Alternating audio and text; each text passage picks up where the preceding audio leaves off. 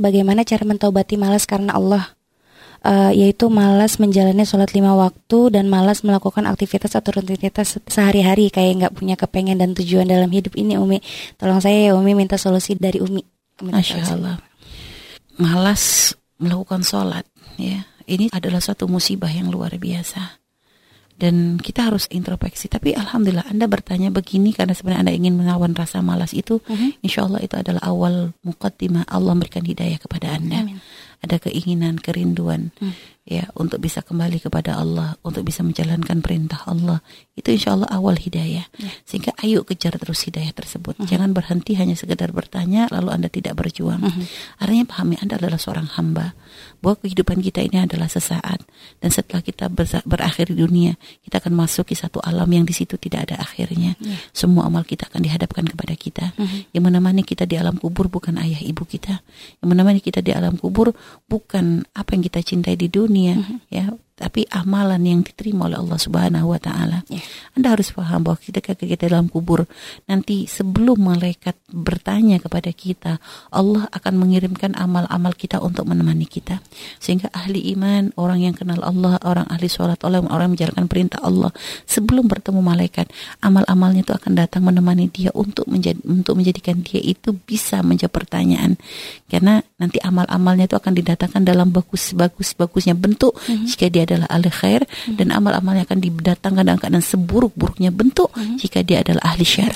Sehingga maka jangan sampai menjadi teman kita adalah keburukan-keburukan kita. Hmm. Hmm. Bagi orang ahli sholat ya, bagi orang ahli sholat, orang ahli puasa, orang menjaga aurat dan sebagainya lihat sebelum malaikat mungkar nakir datang, hmm. nanti mereka akan datang dalam bagus-bagusnya bentuk sehingga lihat kita itu ibarat kalau suasana hati senang, mm-hmm. itu kan jawab pertanyaan gampang yeah. ya. Sehingga makanya ketika malaikat mungkar akhir datang gak susah lagi bagi ahli khair untuk menjawab. Kenapa? Mm-hmm. Temannya banyak. Yeah. Dia nggak takut lagi dia nggak takut lagi dengan pertanyaan dia akan bisa menjawab dengan kayak kita aja lah. Kita tuh kalau lagi terlalu tegang mhm. nggak bisa jawab. Ini di dunia ya. Mhm. di dunia aja coba. Anda terlalu ketakutan yang amat sangat. Mhm. anda biasa bisa ngomong tapi giliran ketakutan grogi dan sebagainya ya janganlah di, di, dibayangin anda ditemenin macam-macam. Anggap aja dalam kondisi grogi. Misalnya ini wawancara. Yang wawancara udah gitu banyak lagi. Misalnya anda tuh derdek bisa ngontrol hati. Itu aja ngomong belepotan ya kebayang itu kalau padahal kalau di dunia seremnya kayak apa sih mm -hmm. gitulah mm -hmm.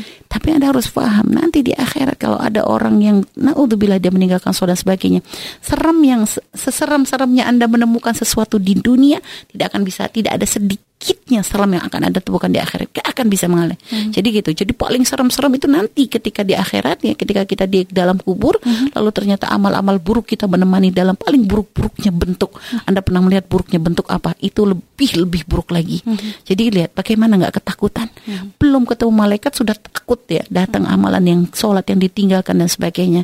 Lihat kalau Anda sudah mendengar kisah ini, bagaimana Anda masih bersantai dengan meninggalkan kewajiban? Apa nggak takut? Apa anda nggak berpikir mm-hmm. bahwa nanti seperti apa urusan anda nanti di akhirat? Mm-hmm. Bagaimana nanti anda harus menghadap kepada Allah dalam keadaan sholat-sholat yang ditinggalkan? Mm-hmm. Pada sholat itu adalah komunikasi seorang hamba dengan Tuhannya. Mm-hmm. Allah bukakan kesempatan kepada kita untuk bisa berkomunikasi dengan Allah dengan melalui sholat. Sehingga makanya sampai dikatakan dalam riwayat jadi barang siapa tidak sholat ladina lahu seperti orang yang nggak punya agama. Mm-hmm. Jadi naudzubillah iblis orang yang sangat durhaka kepada Allah. Hmm. Tapi sebelum diusir dari surga, dia adalah ahli ibadah. Hmm. Untuk bersujud kepada Allah, iblis gak ragu. Hmm. Hanya waktu itu diperintahkan Allah untuk sujud Nabi Adam, dia nggak mau hmm. karena dia ngerasa lebih baik daripada daripada Adam. Hmm. Nah, anda, kita sekarang sholat bukan menghadap bukan sujud kepada Nabi Adam. Kita sujud menghadap Allah. Ya. Iblis saja yang dilaknat oleh Allah saja nggak ragu bersujud kepada Allah. Hmm. Kenapa kita yang manusia yang diberikan kesempatan oleh Allah untuk bisa mengabdi kepada Allah kok masih gengsi untuk menghadap Allah? Ya. Apa yang kita cari dalam hidup kita? Jadi gitu loh. Jadi kita pengen seperti apa? Apakah kita merasakan tenang dengan sholat yang kita tinggalkan? Gak akan. Hmm. Kita akan merasakan sumpah dan sebagainya. Hmm. Dan subhanallah bahkan dalam riwayat menurut Imam Ahmad bin Hambal, hmm. kalau ada orang meninggalkan sholat hukumnya kafir. Naudzubillah. Hmm. Kenapa? Dianggap adalah orang yang durhaka banget kepada Allah. Hmm. Bagaimana dengan Allah memberikan nikmat? Allah kasih dia mata, Allah kasih dia semua nafas ini semua. Yang nikmat Allah tuh nggak mampu kita hitung. Hmm. Ternyata untuk menghadap Allah. Bukan karena Allah butuh sholat kita, tapi yeah. kita butuh untuk menjalin komunikasi dengan Allah. Hmm. Dan Dan komunikasi kita bagaimana? Dalam sholat kita, kita ingat Allah, kita agungkan Allah, kita besarkan Allah, kita merendah di hadapan Allah Subhanahu Wa Taala. Sehingga dalam gerakan-gerakan sholat ada sujud di situ, di mana kita letakkan kepala yang selama ini kita angkat ke bumi. Dalam bentuk penghambaan kepada Allah. Bahwa kita melihat ini yang kadang menjadikan kita sombong kepala kita ini. Kita merasa sombong dengan wajah, dengan pangkat dan sebagainya, tapi ternyata paling tingginya anggota tubuh kita ternyata kita tempelkan di di tanah gitu ya ibarat di tempat sujud itu itu kan paling rendahnya tempat yang kita injak juga dengan kaki kita kadang ya. Ternyata kita gunakan untuk di sini. Menunjukkan apa? Kita tidak boleh sombong di hadapan Allah. Ya. kita butuh dengan Allah. Tidak ada yang lebih tinggi daripada Allah. Artinya itu yang kita sembah adalah Allah. Ini penghambaan. Dan Allah sebenarnya nggak butuh. Seandainya kita nggak sholat seluruh dunia nggak sholat Allah nggak akan terkurangi kekuasaannya. Hanya saja Sholat kita ini adalah kebutuhan kita, Ya. kebutuhan kita untuk mendapatkan ridho dari Allah Subhanahu Wa Taala. Karena dengan sholat kita inilah nanti ini adalah amal yang akan menjadikan kita itu bisa menghadap kepada Allah.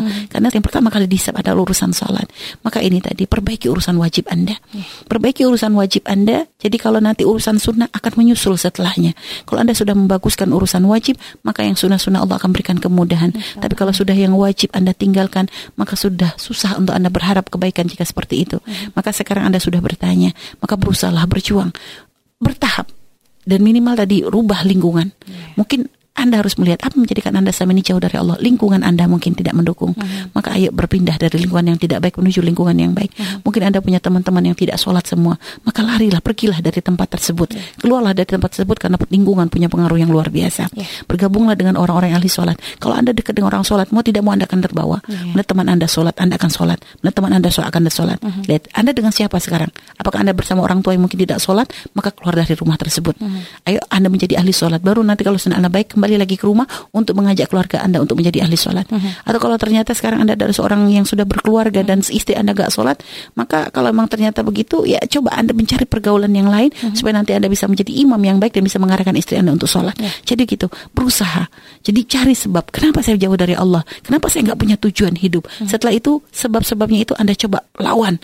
Ya, kalau memang ini adalah karena lingkungan, hindari lingkungan. Kalau ini karena ibarat lingkungan mendukung, tapi kok masih malas, ayo coba Anda Anda bangkitkan lagi semangat. Dan mungkin ya tadi membiasakan sholat berjamaah itu juga termasuk untuk membangun semangat di hati Anda.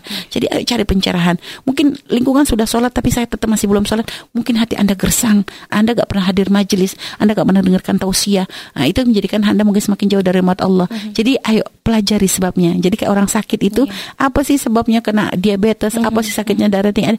Jadi Anda kalau sudah tahu ini gak boleh makan ini, gak boleh ini, gak boleh ini, Anda sudah warning gitu lah. Iya. Sehingga nanti untuk menjaga kesehatan lebih mudah kan gitu. Maka ketahuilah sakit paling sakitnya Anda di dunia itu nggak bisa mengalahkan sakit ketika seorang nggak bisa sholat. Itu penyakit yang paling sangat berbahaya karena akibatnya bukan hanya di dunia. Di dunia Anda akan merasakan gersang jauh dari rahmat Allah dan nanti di akhirat dia akan mendapatkan hukuman dari Allah. Naudzubillah. Semoga Allah memberikan hidayah kepada kita semua, menjadikan kita ahli sholat, ahli taat, insya Allah. Dan semoga yang bertanya diberikan kemudahan oleh Allah dan dibimbing dengan hidayah, dengan taufik dan hidayah dari Allah Subhanahu Wa Taala. Allah alam bisawab.